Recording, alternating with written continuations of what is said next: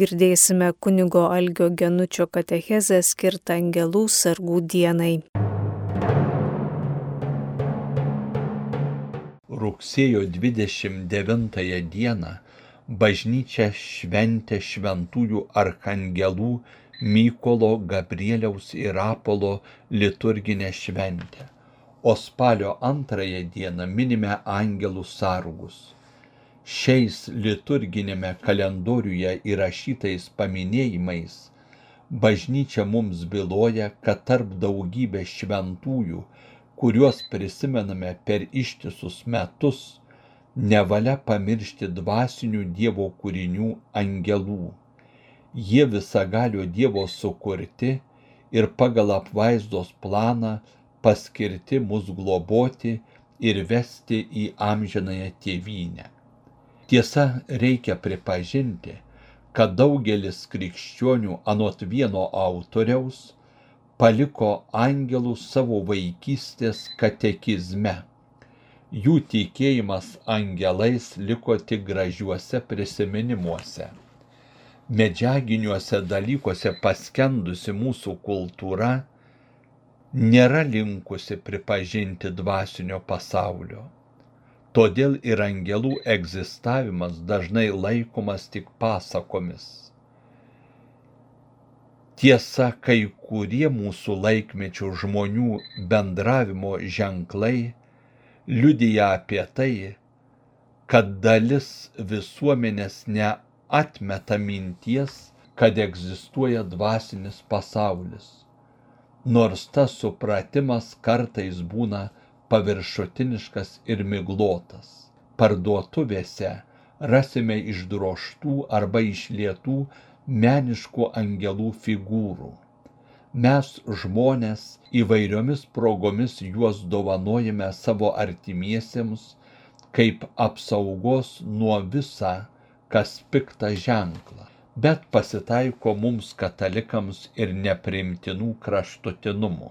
Pavyzdžiui, Helovino šventimas besiartinant mirusiųjų pagerbimo dienai vaidybiniuose fantastiniam žanrui priskirtinuose filmuose sutinkame nežemiškos kilmės žmogui padedančių arba kenkiančių dvasių.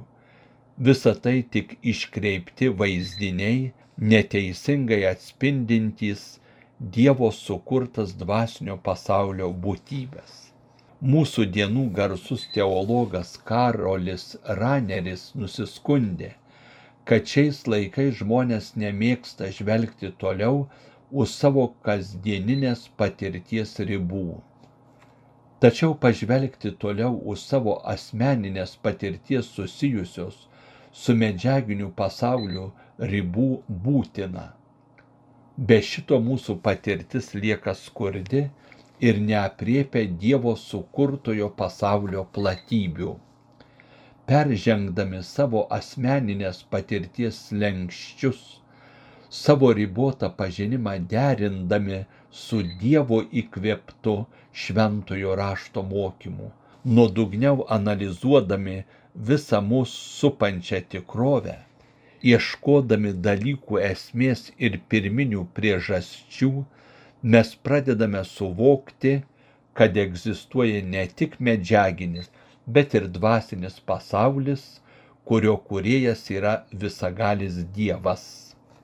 Apaštalų tikėjimo išpažinime, kuris suformulavo apaštalai, įsiskirstydami skelbti pasauliui Evangelijos išpažįstame.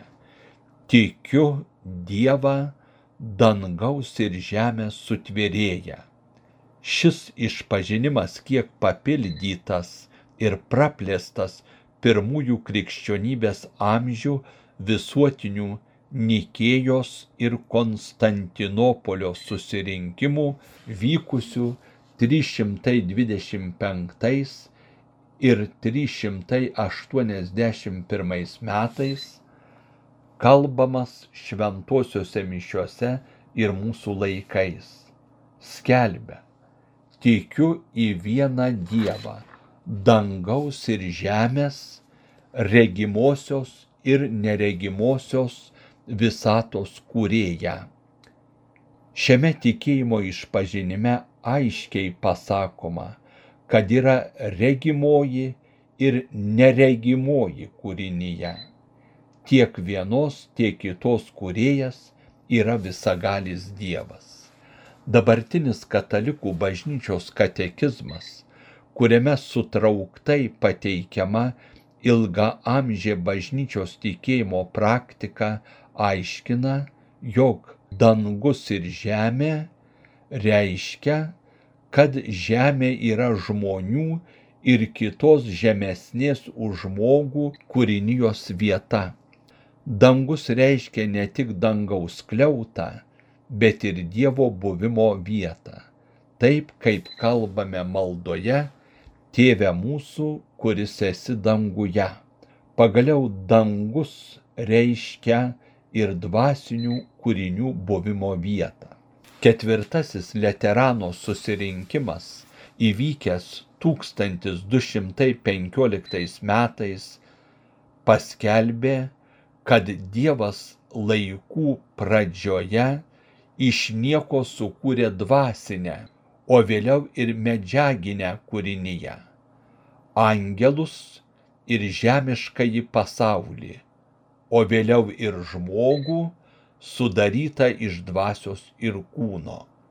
Jau šventasis Augustinas pastebėjo, kad savoka angelas neatskleidžia kūrinio prigimties, bet nusako jo atliekamą vaidmenį.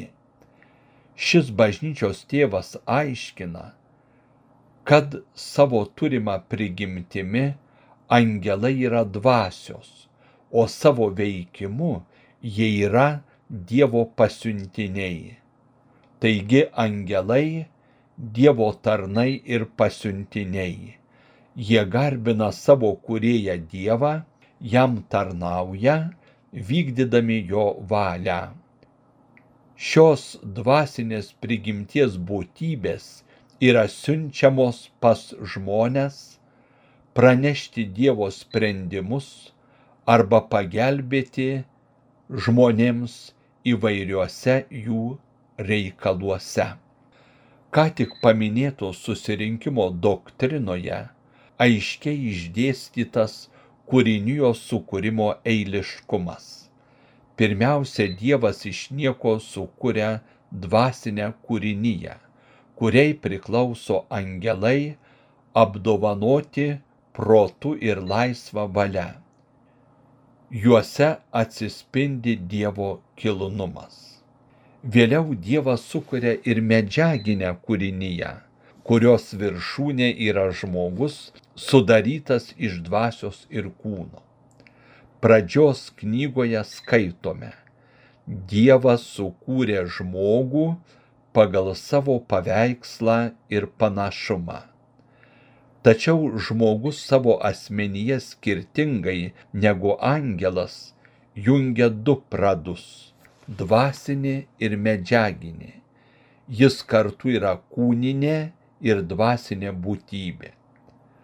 Toliau pradžios knygoje skaitome. Dievas padarė žmogų į žemės dulkių ir įkvėpė jam gyvybės alsavimą. Taip žmogus tapo gyvą būtybę. Žmogaus kūną gaivina dvasinė siela kurėja žmogų apdovanojo protu ir valia.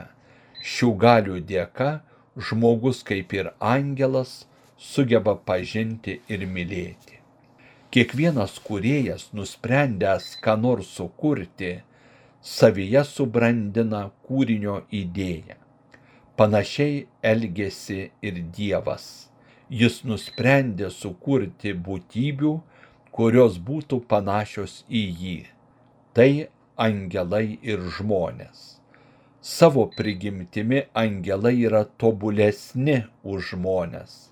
Angelai yra labiausiai panašus į Dievą, nes yra grynos dvasios. Žmogus dvasinės prigimties dėka yra Dievo paveikslas, bet netoks tobulas kaip angelas. Pagal visuotinių bažnyčios susirinkimų doktriną, besirimenčią šventuoju raštu, Dievas sukūrė ne vieną, bet daugybę angelų. Todėl pagristai galime kalbėti apie neregimąją kūrinyje angelų pasaulį. Dievo sukurtusios dvasios angelai tarpusavyje skiriasi įvairiais tobulumo laipsniais. Šventajame rašte paminėti devyni angelų laipsniai arba chorai. Tie chorai vadinami angelais, archangelais, kerubinais, serafinais, taip pat yra minimos kunigaikštystės, valdžios, galybės, sostai ir viešpatystės. Bažnyčios tėvai ir mokytojai tvirtina, kad viešpat sukūręs angelus juos apdovanojo pašvenčiamąją malonę ir kitomis antgamtinėmis dovanomis. Dievas kuri laiką angelus panašiai kaip ir žmogų paliko bandymo būsenoje. Angelai naudodamiesi laisvę ir visomis iš Dievo gautomis malonėmis turėjo įrodyti savo ištikimybę kuriejui ir subręsti amžinai laimiai. Ne visi angelai atlaikė išbandymus. Šventasis Augustinas moko, kad dalis angelų savo laisvą valią Dievui nusikalto ir tapo piktosiomis dvasiomis velniais. Jie atsitraukė nuo Dievo. Ne Dievas sukūrė piktasias dvasias. Jos tokiomis tapo atsitraukdamos nuo Dievo. Šventasis Tomas Akvinietis aiškina, kad dalis angelų nusidėjo puikybės nuodėme, iš kurios vėliau kilo tokios nuodėmės kaip pavydas, nepaklusnumas, pikdžodžiavimas ir kitos.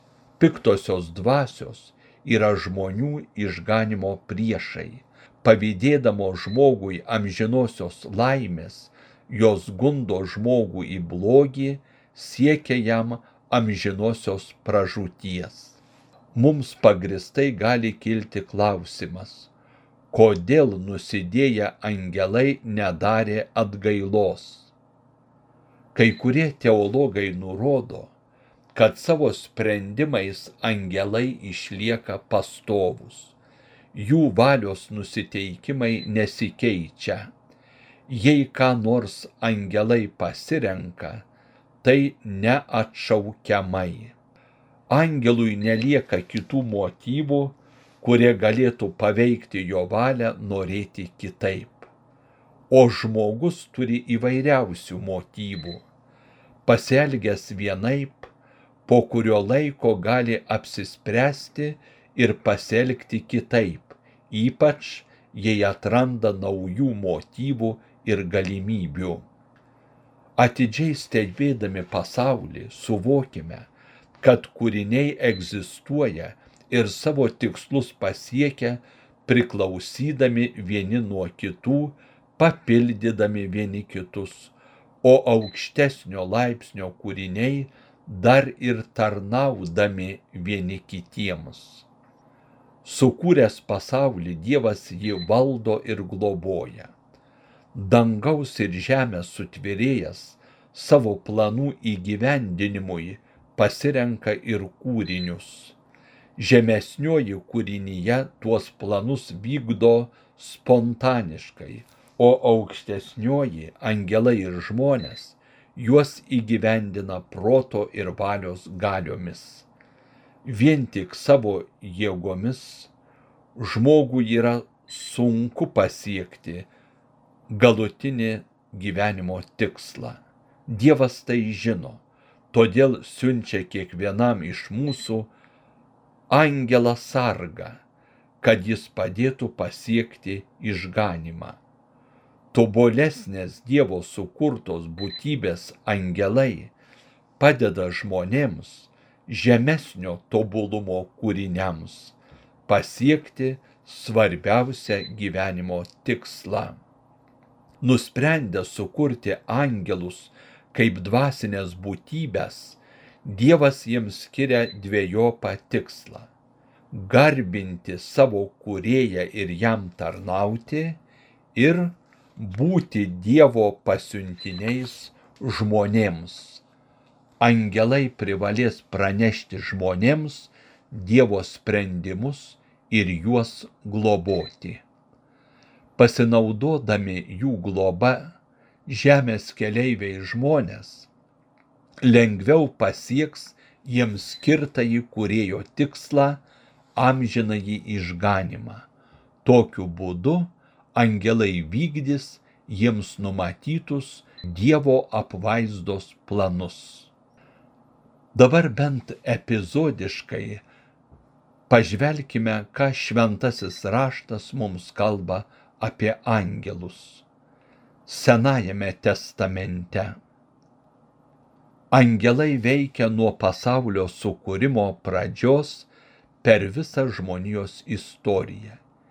Jie tarnauja Dievui, vykdydami jo išganimo planą. Nusikaltus pirmiesiems tėvams, Dievas juos išvarė iš rojaus ir kelią vedantį į rojų pavedė saugoti kerubinams. Angelai kaip Dievo pasiuntiniai globojo teisųjį lotą, kad jis nepražūtų, kai viešpats dėl nedorybių sunaikino Sodomos ir Gomoros miestus. Jie sulaiko Abraomo ranką, kad nežudytų savo sunaus, nes Dievas įsitikina jo parodytą besąlyginę ištikimybę savo kuriejui. Dievo angelas eina Izraelitų gretų priešakyje, vesdamas išrinktąją tautą į pažadėtąją žemę. Praneša apie Samsono, Izraelitų didvyrio gimimą jo tėvams ir su jais bendrauja. Teisėjų laikais nurodo Gideono pašaukimą būti Izraelitų išlaisvintojų. Apie angelus apstu liudijimų pranašų knygose ir psalmėse. Tose Senojo testamento knygų vietose angelai pristatomi kaip būtybės, kurios šlovina Dievą, vykdo jo paliepimus ir saugo žmonės. Senajame testamente vyrauja mintis, kad Dievas rūpinasi savo žmonėmis ir jiems į pagalbą siunčia angelus. Naujajame testamente. Apaštalas Paulius moko, kad Kristus yra angelų pasaulio centre, nes jame sukurta visa, kas yra danguje ir žemėje kas regima ir neregima, ar sostai, ar viešpatystės, ar kunigaikštystės, ar valdžios, visa sukurta per jį ir jam. Visas angelų pasaulis paklusnus ir pavaldus Kristui. Angelai figuruoja Jėzaus gyvenime ir jo mokyme jie apsireiškia svarbiais Jėzaus gyvenimo momentais. Evangelijose skaitome, kaip įsikūnyjimo metu arhangelas Gabrielius siunčiamas pas mergelę Mariją pranešti jai džiugios žinios, kad ji išrinkta būti pasaulio išganytojo motina. Angelų šlovinimo giesmės skamba užgimusiam pasaulio atpirkėjui. Angelai globoja Jėzų jo kūdikystės dienomis. Jie įspėja Juozapą, kad Erodas stengsis kūdikį nužudyti. Todėl Juozapas skatina imti kūdikį su motina ir bėgti į Egiptą. Erodui mirus viešpaties angelas pasirodo Juozapui ir liepia imti kūdikį su motina ir sugrįžti į gimtąjį kraštą. Gundimo metu, kai Jėzus ryštingai atmetė piktojo viliones, prisartino angelai ir jam tarnavo. Kančios metu alyvų kalne angelas sustiprino viešpati. Angelai skelbė Jėzaus prisikelimą moterims, prisiartinusioms prie kapo, sakydami, kam ieškote gyvojo tarp mirusiųjų, nėra jo čia, jis prisikėlė. Paskutinio teismo dieną Jėzus ateis savo šlovėje teisti pasaulio, kartu su juo bus visi angelai. Jėzus savo mokyme daug kartų kalba apie angelus. Viešpats tvirtina, kad angelai saugo žmonės ir kartu regi dangiškojo tėvo veidą. Kartu su Dievu angelai džiaugiasi nusidėjėlių atsivertimu. Nupuolusius angelus Jėzus vadina šetonu, demonais, netyrosiomis dvasiomis, šio pasaulio kunigaikščių ir panašiai. Jėzaus dieviškoji gale pasireiškia išvarant demonus iš apsėstųjų. Demonai pripažįsta Jėzaus dievystę ir jam paklūsta. Apie angelus apstu liudijimų ir kitose Naujojo testamento vietose. Apaštalų darbų knygoje skaitome kad angelai globoja įsteigtąją Jėzaus bažnyčią ir jai padeda kritiškais momentais. Angelas išvaduoja apaštalus iš kalėjimo, atidarydamas kalėjimo vartus ir liepdamas apaštalams skelbti gyvenimo žodžius. Viešpaties angelas prabyla į Pilypą, kad pakrikštytų Etijopijos karalienės dvariškį ir jam paskelbtų gerąją naujieną. Angelas skatina pagonį šimtininką Kornelijų ieškoti apaštulo Petro, kad jį pakrikštytų ir jo namiškiams paskelbtų Evangeliją. Prisiminkime ir apreiškimo Jonui knygą, dar vadinamą apokalipse, kurioje kalbama apie angelus. Šioje knygoje angelai parodomi kaip galingos būtybės. Angelai pasirodo esą ryšininkai tarp dangaus ir žemės.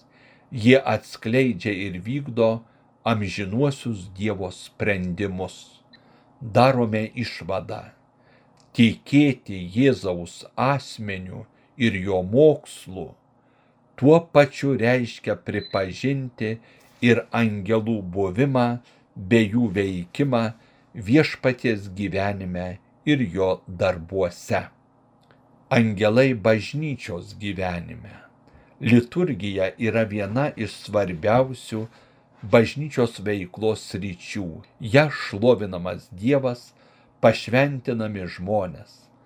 Vatikano antrojo susirinkimo konstitucijoje apie liturgiją tvirtinama, kad liturgijoje kartu su dangaus kariuomenės pulkais gėdame viešpačiui garbės himną. Bažnyčia angelų giesmę šlovina Dievą kiekvieną sekmadienį. Garbė Dievui aukštybėse, o žemėje ramybė geros valios žmonėms. Paskutinės vakarienės metu išganytojas įsteigė eucharistinę savo kūno ir kraujo auką šventasias mišes. Eucharistija yra dėkojimas, todėl angelų sargų minėjimui skirtoje dėkojimo giesmėje bažnyčia gėda, kad verta ir teisinga šlovinti Dievą už angelus ir archangelus Toliau dėkojimo giesmėje bažnyčia skelbia, kad reikšdami pagarbą toms ištikimoms dvasioms mes garbiname ir jų kūrėją. Kiekvienoje eucharistinėje liturgijoje po dėkojimo giesmės kartojame Šventas, šventas, šventas viešpats, galybių dievas, pilnas yra dangus ir žemė jo garbės. Izaijo pranašystės šeštame skyriuje skaitome, kad serafinai, būdami Dievo akivaizdoje, šiais žodžiais šlovina begalinį Dievo šventumą.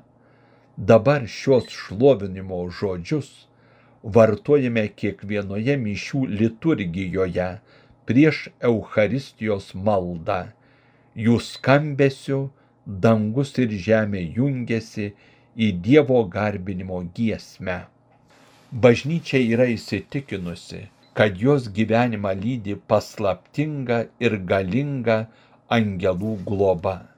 Prisiminkime laidotuvių apeigas atliekamas bažnyčioje paskutiniojo užtarimo apeigose kunigas meldžiasi, ateikite Dievo šventieji, viešpaties angelai, pasitikite mūsų brolį arba sesę, primkite jį ją ir nuveskite prieš aukščiausiojo veidą. Angelai ten nuveda tave į Abraomo prieglopsti o užtarimo apeigų pabaigoje girdime skambant giesmę dangun telydi tave angelai. O kur dar valandų liturgija, kuria bažnyčia šlovina Dievą ir užtaria žmonės, juk joje labai dažnai tariamas ir angelo vardas. Išvada tokia. Bažnyčia tiki angelų buvimu, ir liturgijos šventime juos mini, be jų globos ir užtarimo šaukėsi. Spalio antrą dieną minime angelų sargus. Bažnyčia moko, kad kiekvienas žmogus turi savo angelą sargą. Mes esame linkę galvoti, kad jis mums kaip ir nereikalingas. Ką noriu, tą darau, kur noriu ten einu, jei reikės susitvarkysiu savo gyvenimą taip, kaip man atrodo gerai. Žodžiu, aš esu savo likimo kalvis. Nors čia ir yra kiek tiesos, tačiau savo likimo absoliutų šeimininkai vis dėlto nesame. Mums reikalinga apsauga. Mes esame kūniškos ir kartu dvasiškos būtybės. Turime daug įvairių polinkių tiek į gėrį, tiek dėja į blogį. Nepamirškime, kad didžioji dalis to, kas mus veikia, daro įtaką, nėra matoma. Esame tarytum mūšio laukia, kuriame yra daug pavojų. Čia mums reikalinga įvairiopa dvasinė pagalba. Angelas sargas yra Dievo siunčiama apsauga mums, silpniems, į nuodėmę linkusiems žmonėms. Angelai yra toje kovoje mūsų pagalbininkai. Jie nei vaikystėje, nei jaunystėje, nei brandžiame amžiuje, nei senatvėje mūsų nepalieka. Kaip tėvai visur sergsti vaikus, taip dangiškasis tėvas duoda mums angelų sargus, kad jų padedami neišklystume iš teisingo kelio. Kai kas bandys prieštarauti, jį gyvenime lankė įvairios nelaimės, sunkumai. Kur tada buvo angelas sargas? kodėl neatėjo pagelbėti ar išvaduoti. Neturėkime klaidingų įsivaizdavimų, kad angelas sargas sudarys mums šiltnamio sąlygas ir viskas mums gerai seksis, kad nepatirsime jokių išbandymų, gyvensime nerūpestingai ir laimingai. Ne, gyvenimas būna pilnas pakilimų ir nusileidimų. Tenka daug ką išgyventi. Pavyzdžiui, mylimo žmogaus mirtį, lygą, draugo išdavystę ir daugelį kitų dalykų. Kaip lengva tokiomis akimirkomis pasiduoti nevilčiai, pulti į paniką. Kaip ištverti gyvenimo audras, kas ateis į pagalbą, kad tie išbandymai virstų palaiminimu, reikalinga Dievo malonė, šventųjų užtarimas ir žinoma, angelo sargo pagalba. Nepamirškime, Dievo siūstosios dvasios padeda mums ištverti sunkumus ne tik mūsų labui, bet ir dėl kitų žmonių nesiugdę kantrybės, nesugebėsime guosti ir raminti kitų esančių sielvartuose. Galiausiai mes krikščionys tikime, kad visa išeina į gerą mylintiems Dievą. Didingiems žmonijos išganimo veikėjams reikėjo angelų pagalbos. Prisiminkime tik Abraomą, Mariją, apaštalus Petrą ir Paulių ir pagaliau patį mūsų išganytoją Jėzų Kristų. Dvasia jie daug tvirtesni už mus, bet vis dėlto ir jiems reikėjo pagalbos. Jei tos pagalbos nebūtų reikėję, kažin ar Dievas būtų jiems siuntęs angelus, kad juos sustiprintų ir jiems padėtų kas iš mūsų drįstume save laikyti pranešesniu už patį mūsų išganytoją Jėzų Kristų, kuriam irgi buvo reikalinga angelo pagalba. Juk mes nepalyginamai trapesni kovoje su piktosios dvasios žabangomis ir įvairiais bandymais, kurios patiriame savo gyvenime. Kas meldžiasi į angelą sargą, tas priima dievišką pagalbą. Nesimelsdami, o dar blogiau, atmesdami ar paniekindami jį, mes tuo pačiu atmetame mums siunčiamą Dievo malonę. Juk žemiškosios šeimos nariai vienas kitam padeda, lygiai taip mums padeda ir dangiškosios šeimos nariai. Todėl jų pagalba turime pasinaudoti. Taip atsiskleidžia ir šventųjų bendravimo prasmė. Gerai suvokdama šiuos dalykus, bažnyčia mus kviečia pagerbti angelų sargus ir į juos melstis kaip patikimus globėjus ir palidovus kelyje į amžinąją tėvynę. kalbėjo kunigas Algis Genutis.